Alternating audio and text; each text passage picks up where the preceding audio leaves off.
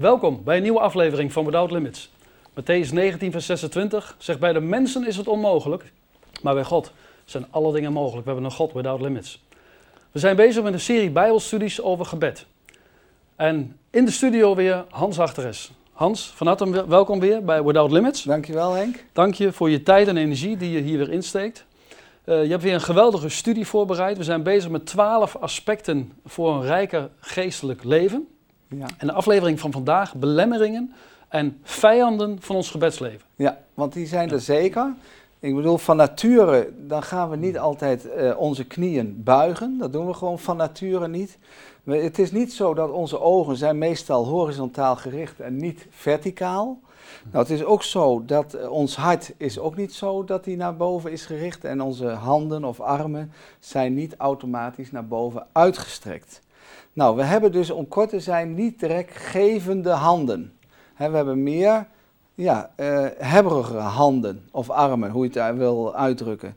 En uh, pas geleden kwam ik daar nog eens achter, toen ik uh, een echtpaar hartelijk begroette en ook al lange tijd mee sprak, die me toch goed kende, en een dochter. En toen was daar de tijd voor de preek en een beetje snoepgoed. En ik keek zo uit mijn school, schuilhoeken van mijn ogen en tot mijn verbazing gaven ze me niks. Ik denk, jongen, het is moeilijk om wat te geven. Nou, zo is het ook soms bij de mensen. Dat zal ook bij mij zo zijn. En toen dacht ik even, maar geld. Kijk, uh, we zijn meestal gewend uh, toch niet zo te geven. Ik bedoel, uh, natuurlijk is het ook wel dat we wat voor onszelf mogen houden. Maar de mensen zijn gewend om alles, kijk, op te potten. Hè? Ja. Kijk, en dit is geen gevende hand. En ik heb een keer gelezen en onthouden, geld is gevaarlijk. Voordat je het weet ben je aan het sparen. nou, uh, om kort te zijn, we moeten leren geven, we moeten leren aanbidden. We moeten leren, zoals uh, er in de Bijbel ook staat, dat de discipelen zeiden, Heere, leer ons bidden. We moeten ons dus oefenen en we moeten inderdaad in de school van de Heer. Nou, uh, onze vader, daar begint het onze vader ook mee, onze vader. Dus het begint al direct gericht op de hemel. Uw naam worden geheiligd. Uw koninkrijk komen. Uw wil geschieden. Nou, dat, dat betekent dat je afziet van jezelf en opziet naar God. En dat is ons van natuur niet gegeven. Dus we moeten, zoals Jezus zegt, ieder die tot mij komt, verlogenen zichzelf. Nou, dat is niet aantrekkelijk. Dat is echt niet aantrekkelijk. Maar wil je God leren kennen, wil je hem beter leren kennen, wil je inderdaad gaan zien dat, uh, dat je gaat ontvangen, dan moet je dingen loslaten. Nou, uh, loslaten is eigenlijk ons enige houvast. ja, als je alles loslaat, dan is dat je enige houvast, dat is inderdaad de Here. Ja. En uh, ja, denk maar aan dat je gaat knielen voor de Here, dan zegt het vlees au, maar de geest zegt halleluja. Ja. Nou, dat is nogal een verschil. De Bijbel zegt ook, hè, van uh, uh, diegene die zijn leven zal willen behouden, die zal het verliezen. Het ja, is net andersom. Precies, want, want hoe groot is je eigen liefde? Denk aan gebed en denk aan knielen en tijd nemen voor God. En hoe groot is de liefde voor God? Maar inderdaad, het blijkt dat daar een vijand is. Ja. Als we aan die vijanden denken, uh, hoeveel vijanden zijn er eigenlijk? Hè, die ons proberen van gebed af te houden. Dat is denk ik wel meer dan één vijand. Ja, ik, eh, zover ik het eh, zelf weet en heb ervaren, met name drie vijanden. Hm. De eerste vijand die er is, dat is, maar dat klinkt zo ouderwets, ons vlees. Je zou zeggen zelfgerichtheid. Ja. En eh, we denken heel veel aan onszelf, dus wij denken alleen maar wat wij makkelijk vinden. wat wij prettig vinden. Soms zijn we moe, heb je helemaal geen zin in gebed. Soms zijn we lui. Soms denken we, nou, laten we gewoon naar televisie kijken en uh, dat doet me veel beter. En je denkt helemaal niet aan gebed. Soms stellen wij het uit, denken, nou ja, ik vind nou de gelegenheid niet. Maar de volgende keer is de gelegenheid er ook weer niet. Maar ja, een discipel moet leren discipline. Ja. En uh, nou, een voorbeeld van vijand nummer 1 is Matthäus 26, vers 41, als je dat wil lezen, tot en met ja. 43. Waarin letterlijk en figuurlijk onze ogen um, ja, zwak worden, slap worden, dichtvallen, slaperig worden. Nou, dat is een typisch een beeld uh, van het vlees wat een vijand is van het gebed. Oké, ik ga het lezen. Vers 41, daar staat: Waakt en bid dat gij niet in verzoeking komt. De geest is wel gewillig, maar het vlees is zwak. Wederom ten tweede male ging hij heen en bad, zeggende: Mijn vader, indien deze beker niet kan voorbijgaan, tenzij dan dat ik die drinken, uw wil geschieden. En toen hij terugkwam, vond hij hen slapende, want hun ogen waren bezwaard. Ja, toen hij terugkwam had hij verwacht waken, maar ze slapen. En ik heb vorige keer wel eens gezegd, we moeten gewoon als christen door het leven, inderdaad, waakt en bid. Ja. Dus je moet gewoon zeggen, aangenaam, ik ben Hans Achteres, christen. En moet je zo door het leven gaan. Waakt en bid. Nou, mensen vinden dat heel vreemd, maar zo, zegt Jezus, moeten wij door het leven gaan. Als ik s'morgens neem ik tijd voor gebed en dan moet ik eerst, om het heel zwaar uit te drukken, mijn eigen vlees kruisigen. Ik moet het warme vlees verlaten, dat is mijn vrouw, s'morgens. ik moet de warme deken verlaten. Ik moet me aankleden, ik moet me overgeven aan God.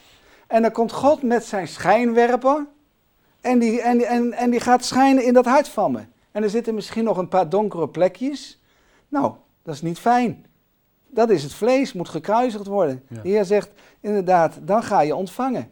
Vijand nummer twee is de Satan. Nou, dat is inderdaad, hij is met name een boze geest. Dus laat nou maar stellen, hij geeft negatieve gedachten. eh, over mensen, over anderen. Hij is soms in het hart van de gelovigen aan het vroeten. En dat vindt hij geweldig. En hij probeert er natuurlijk te nestelen. Ja, en dan moeten we hem proberen af te schudden.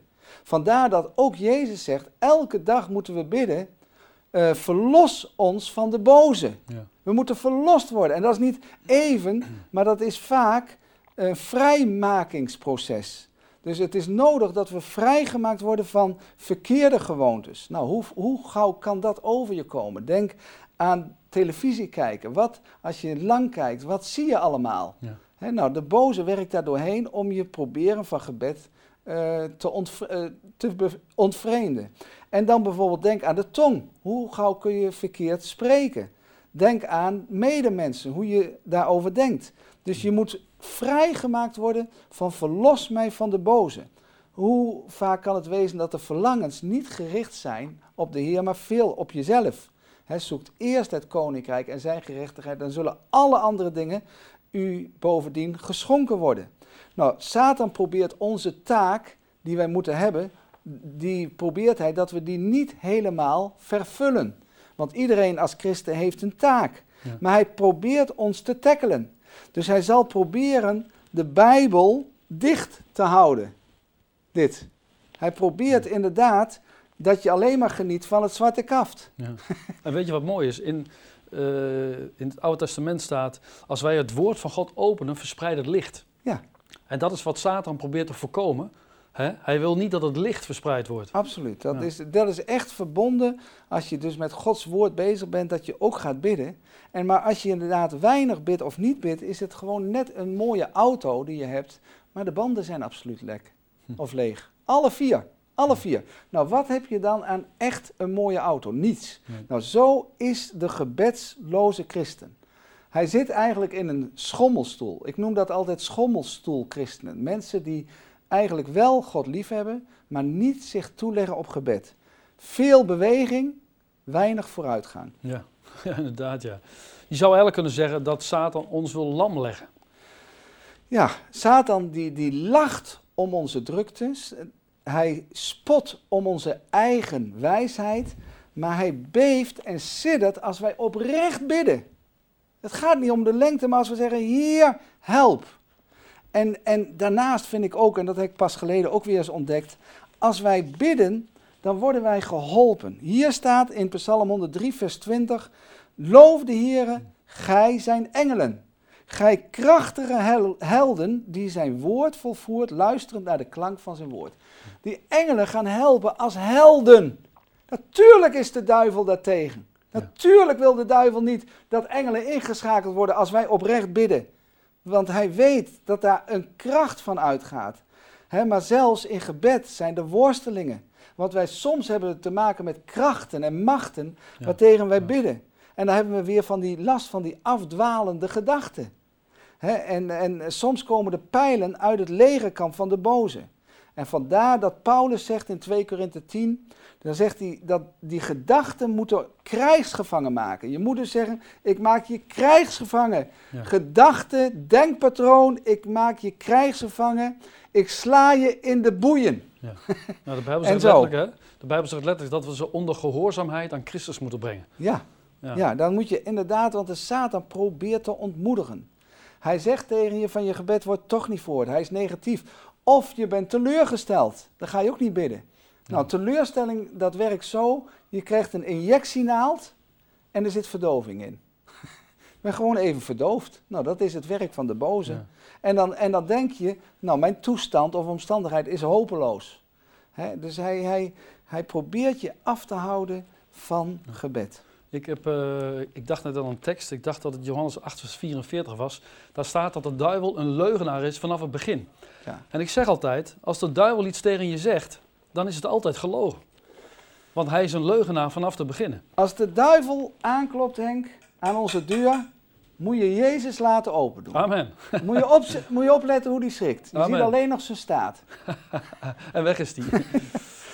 Hey Hans, de wereld om ons heen. Hè? Eh, je hebt twee punten genoemd net, maar de wereld om ons heen, is dat ook een vijand? Ja, de wereld die, die is met name niet direct een zelfstandigheid, heeft het in zich, maar invloed.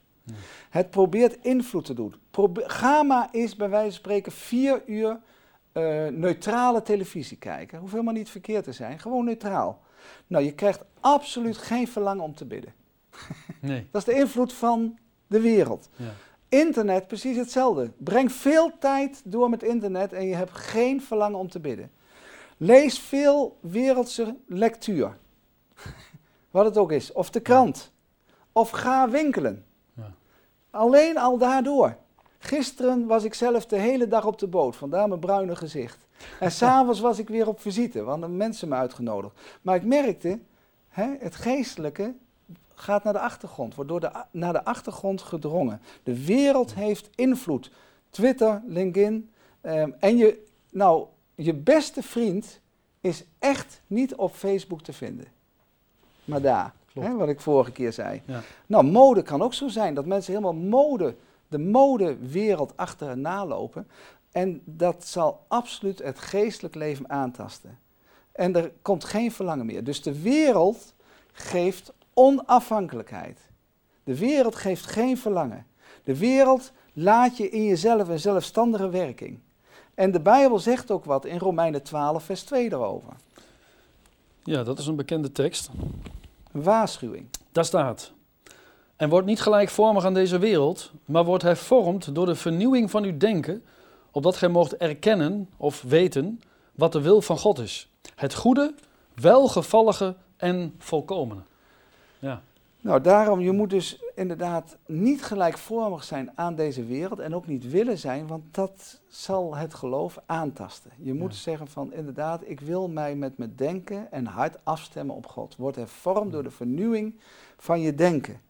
En, en ja, het geloof, hier heb ik staan, gewoon geloven, gewoon geloven, wordt doodgewoon. Zo dood als een pier. Gewoon geloven wordt doodgewoon en hij doodt geloof.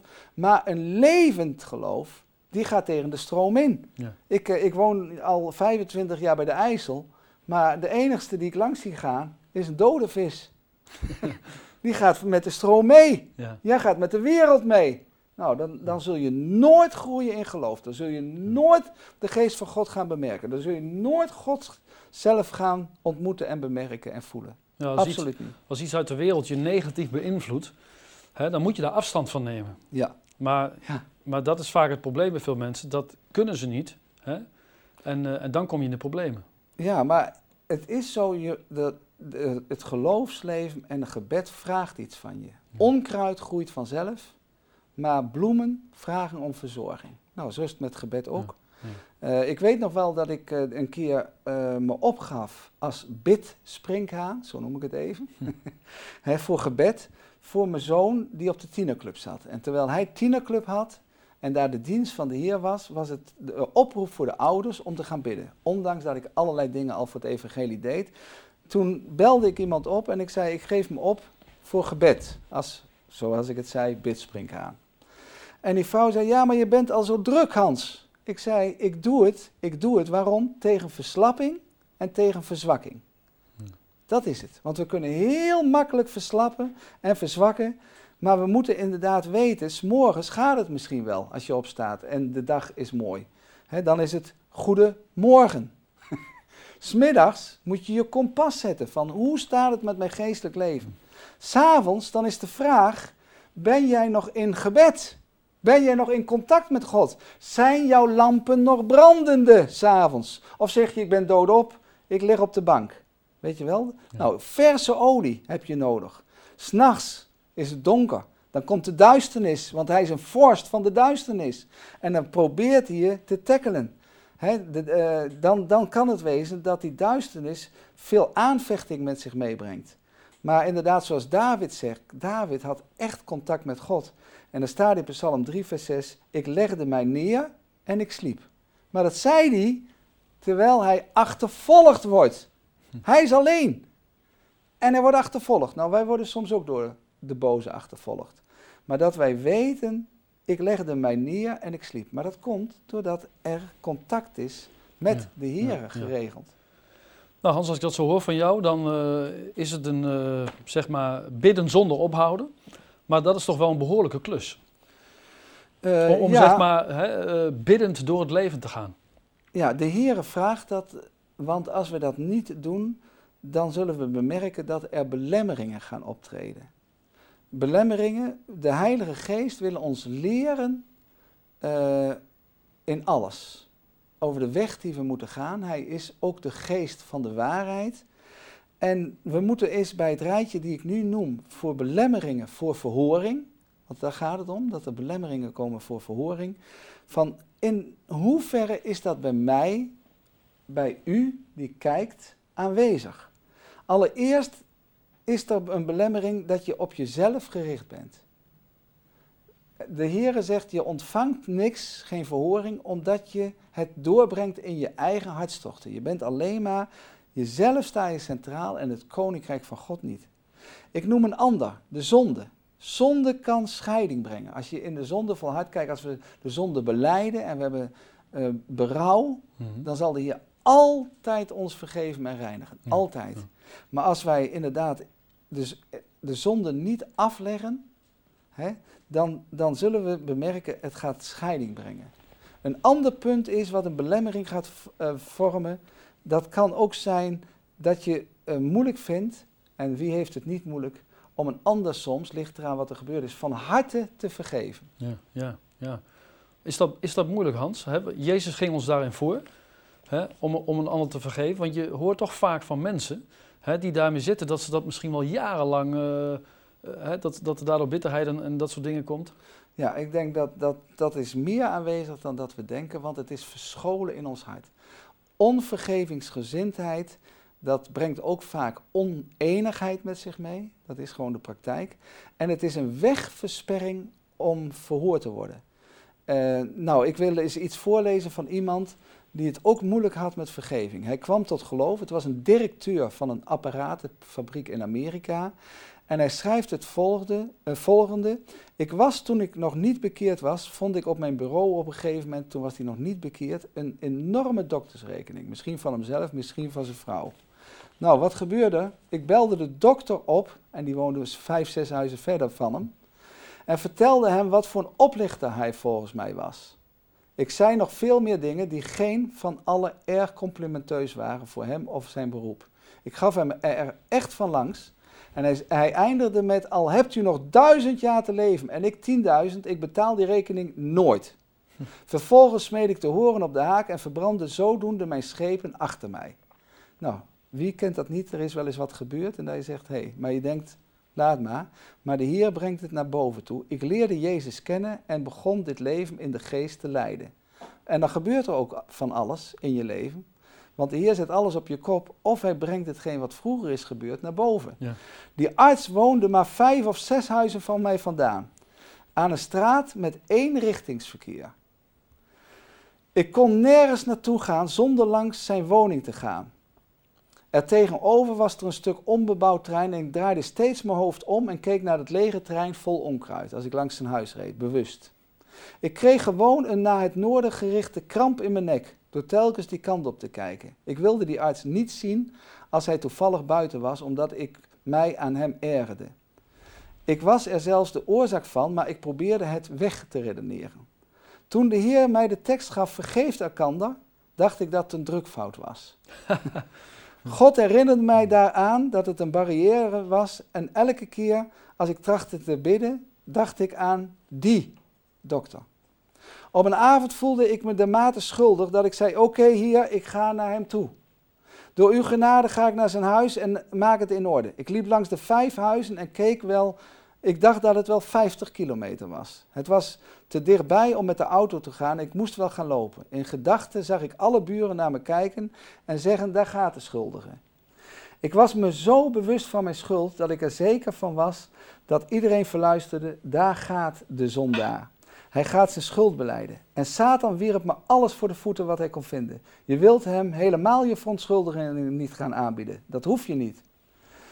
Toen hij, de dokter, de deur opende, huiverde ik. Hij was een stuk groter dan ik en hij keek op me neer als op een vieze worm. Hij was jonger dan ik, sneller te been en ik verwachtte een klap op mijn neus. Hier verluister ik. Ik weet niet wat ik tegen deze man moet zeggen. Geef u mij alstublieft uw woord van wijsheid. De man keek op me neer en zei precies zoals ik verwacht had: Wat wilt u? Dokter, zei ik, ik zou graag even binnen willen komen om u te spreken. Ik heb u niets te zeggen, zei hij. En hij begon de deur dicht te doen. Ik zette mijn voet tussen de deur als een garen- en bandverkoper. Ik moest zien binnen te komen. Toen gaf de Heer mij de woorden in de mond. Dokter, zei ik, ik ben er het type niet naar om excuses van of van wie dan ook te komen eisen. Maar dit is een zaak tussen God en mij en we zouden het allebei op prijs stellen als u mij binnenliet. Hij viel zo wat achterover en ik, en ik viel zo wat van binnen. We hadden een goed gesprek. Ik betaalde mijn rekening en beleed hem hoe ik helemaal verstrikt was in de alcohol. Ik had Jezus leren kennen en ik had een nieuwe levensstijl des te, des te meer mee te maken. En ik, had, ik, had, ik wou kwijtraken het drek en de vuilnis die er was in het verleden. En ik wou herstellen de gebroken relaties. Vervolgens keek hij me recht in de ogen, maar ditmaal niet kwaad en hij zei: Het is allemaal vergeten en vergeven. We gaven elkaar een hand. Toen ik zijn huis verliet, stond ik recht voor God. Doordat ik recht stond voor de mensen. Mijn gebedsleven, mijn geestelijk leven schoot omhoog. Het stond op een laag pitje, pitje totdat ik me was gaan verzoenen. Ja, dus het is heel belangrijk van hoe staat het met mijn vergevensgezindheid? Wat ook een belemmering is, twijfel. U twijfelt. Dat kan wezen als een golf van de zee. Hoogmoed, dat kan heel diep in het hart zitten. Een schuldgevoel, dat je continu schuldig voelt. Lees Romeinen 8, vers 1. Er is geen veroordeling van wie in Christus is. Bitterheid, dat is ook zoiets. Ja, ja ik had, net noemde ik dat al even, hè? bitterheid. Eh, soms zit dat er maanden en jaren in. Uh, hoe raak je dat kwijt? Ja, bitterheid, Henk, is ook uh, een moeilijk iets. Want er is natuurlijk iets gebeurd wat je verwond heeft. Ja. Je bent eigenlijk innerlijk, wat niemand soms weet, een gewonde geest. Een scherpe teleurstelling van iemand. Het is een natuurlijke reactie op iets verkeerds van een ander. Dat kan echt of denkbeeldig zijn, iets groots, of het kunnen ook een heleboel kleine dingetjes zijn. Je kunt verbittering aan de volgende symptomen inderdaad herkennen. Een hard gezicht, strakke kaaklijnen, diepliggende ogen. Het niet in staat zijn om belangstelling te tonen, onattent, is allemaal een gevolg van bitterheid. Ondankbaarheid. Um, overdreven zijn over die ene en ontzettende scherpe kritiek hebben over die ander is allemaal een teken dat er bitterheid in je hart is. Verminderde openheid. En het laatste, bezitterig wat betreft vriendschappen. Dat kan allemaal gevolg zijn van bitterheid, dat je een overgevoelige, overgevoelige, lichtgeraakte natuur hebt en dat je juist de vrienden of vriendinnen die je hebt heel bezitterig daarmee omgaat. Nou, God belooft ons speciale genade als wij ons vertrouwen in anderen kwijtraken. Maar we zullen bitter worden als we op grond van die genade weigeren hen te vergeven. En de Heer zegt, als wij een ander niet vergeven, kan Hij ons niet vergeven. En kan Hij onze gebeden ook niet verhoren. Er staat in 1 Petrus 3, vers 7, zelfs als je een verkeerde houding hebt naar je echtgenoot, zal je gebed belemmerd worden. Ja, dat is ernstig, maar Ja. het is waar. Ja. Het is waar. De Heer vraagt van ons dat we inderdaad Hem zoeken. En ons, wat ik in het begin zei, dat Hij met zijn schijnwerper ons hart doorlicht. Vandaar dat er staat in Psalm 105, zoek zijn aangezicht. Nou, dat betekent het nekje moet in beweging. Naar boven. Er staat ongeveer 400 keer hoe belangrijk het is om God te zoeken. Nou, als we dat doen, dan zullen we bemerken, de Heer is met ons. Ik mocht pas geleden spreken in de grote kerk in Dalsen. Ik zei, zie boven me het kruis van Golgotha. Grote armen. En de Heer zegt, kom, loop gewoon in die armen en ik help je. Ook wat betreft om het gebed te versterken, te verdiepen en je leven te activeren. En om meer geestelijk leven te geven. Ja. Nou, dan raak je in vuur en vlam. En als, als het donker is en een huis staat in vuur en vlam, gaan de mensen wel kijken hoor. Je valt echt wel op. Amen. ja, ons bidden is eigenlijk ook gewoon praten met God. En als je een relatie met iemand hebt, dan praat je met diegene. Ja. Zo kun je het ook eenvoudig uitleggen.